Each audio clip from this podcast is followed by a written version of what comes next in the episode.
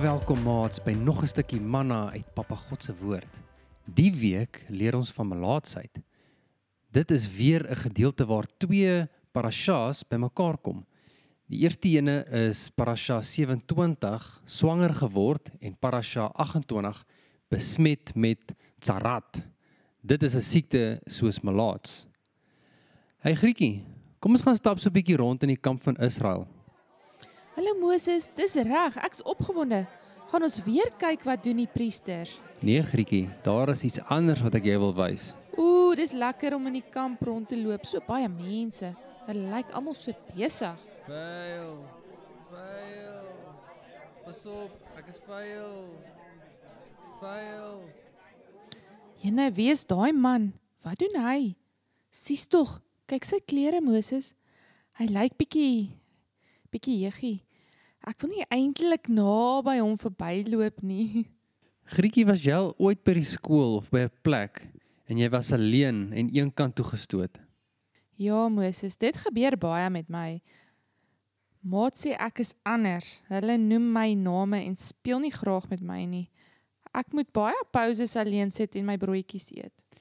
Ek het so gevoel daai man voel ook so verwerp en alleen.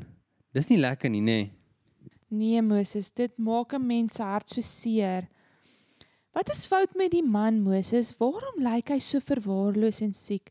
En waarom skree hy die hele tyd vuil? Grietjie, besef jy dat ons ook soms so lyk vir mense? Maar dit is meer oor die dinge wat uit ons mond uitkom. Soos as ons lelik praat of skinder van maats of altyd net foute soek by maats. Nee, jene Moses, ek lyk nie so nie. As ons nie dag en nag Papa God se dinge, sy woord bedink nie, kan negatiewe gedagtes en gevoelens baie maklik ons gedagtes oorneem.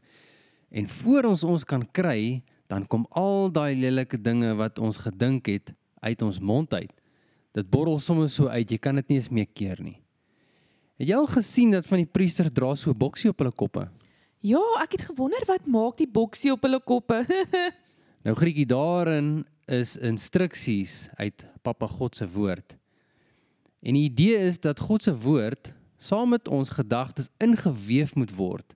Dink sommer daaraan as iemand brei en sien daai prentjie hoe jou gedagtes saam met Papa God se woord saamgebrei word.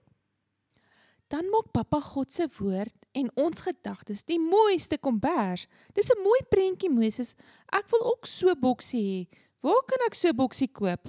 Nee, Grietjie. Lees dit Papa God se woord en Heilige Gees sal die breiwerk vir jou doen. So Moses, jy het nog nie gesê hoekom daai man so lyk en so skree nie. Grietjie ou Piet het melaatsheid opgedoen. Hy het by iemand anders aangesteek. Dis verskriklik. Ek het mos gesê ons moet ver weg bly Moses. Kom ons gaan daai kant verby. Grietjie, het jy geweet as ons negatief is en negatiewe dinge dink en praat, dan steek dit ook ander mense rondom ons aan. Ja, dit steek aan soos 'n veldbrand. En kort voor lank sien jy dat ander mense ook sulke draaie om jou wil loop, want alles is altyd negatief en hulle wil nie ook so voel nie. Of as jy sleg praat van ander mense. Vuil. Bly weg, ek is vuil. Pas op vir my. Ek is vuil. Moses, dit laat my dink aan die storie van Miriam en haar Aaron wat so van jou geskinder het en toe kry sy ook melaatsheid. Ja, Grietjie, en daar is nog 'n hele paar stories in die Bybel oor mense wat dit gekry het toe hulle teen Papa God se wil gewandel het. Soos koning Josia wat met 'n vuurpan na die wierookaltaar gegaan het. Onthou julle laas week van Nadav en Abihu? Nou koning Josia het ook so sommer verby die priesters wat dit eintlik moes doen geloop en gou gaan wierook brand. Toe kry hy net daar en dan melaatsheid. Maar Grietjie, daar is nog 'n storie wat ek jou wil vertel. Ooh, stories. Bybelstories is my lewe. So, die man Piet wat so skree, het melaatsheid. En wanneer iemand melaats het, kan hy ander aansteek. So niemand kom naby die mense met melaatsheid nie. Hulle moet eenkant buite die kamp bly totdat hulle gesond is. Van hulle word nie eens gesond nie en dan begin die sere op hulle vel te vrot en dan kan hulle selfs van hulle ledemate verloor of doodgaan. Sjoekas Moses, dis baie erg om 'n laatsheid te hê. En is daar geen medisyne of krye wat die man kan help nie? Kom ek vertel vir jou 'n storie. Eendag, terwyl Yeshua besig was om die mense te leer, het hy by die heuwel afgeloop en 'n groot groep mense het hom gevolg. Toe, ewe skielik kniel daar 'n man voor hom wat melaatsheid het en sê vir hom: "Yeshua, meester, meester, as u gewillig is, kan u my asseblief skoonmaak?" Ek kan net dink dat al die mense het ver weg gestaan, anders sou hulle ook mos aangesteek het. Ja, Grietjie, hulle het seker. Maar Grietjie, weet jy wat? Yeshua was nie bang nie.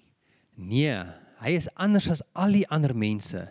Die man wat buite weggestoot was, alleen en eensaam, het Yeshua aangeraak. Grietjie, Yeshua het na hom toe geloop en hom gevat en vir hom gesê: "Ek wil.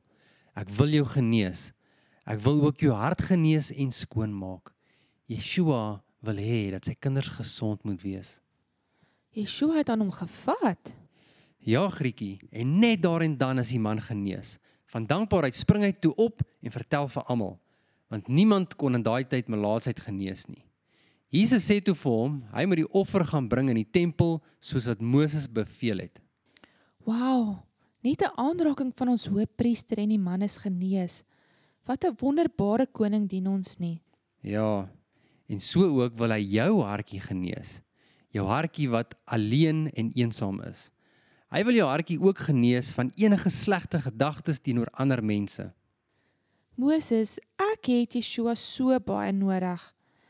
Ek het ook sy aanraking nodig en wil so graag 'n skoon en rein hartjie hê. Grietjie, Jesus is altyd gewillig. Ons kan hom net vra.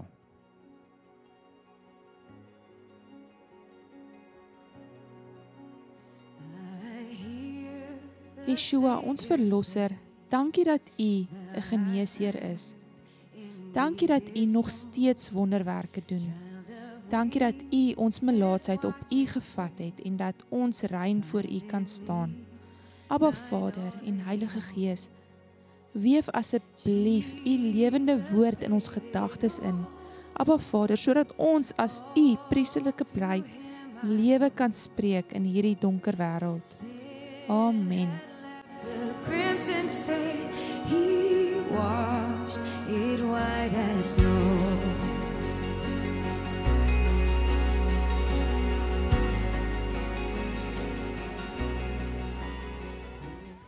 Maats, dit was 'n voorreg om saam met julle te kan kuier in Papa God se woord. Mag julle 'n geseënde week hê wat voorlê en onthou om julle liggies te skyn. Doodles noodles.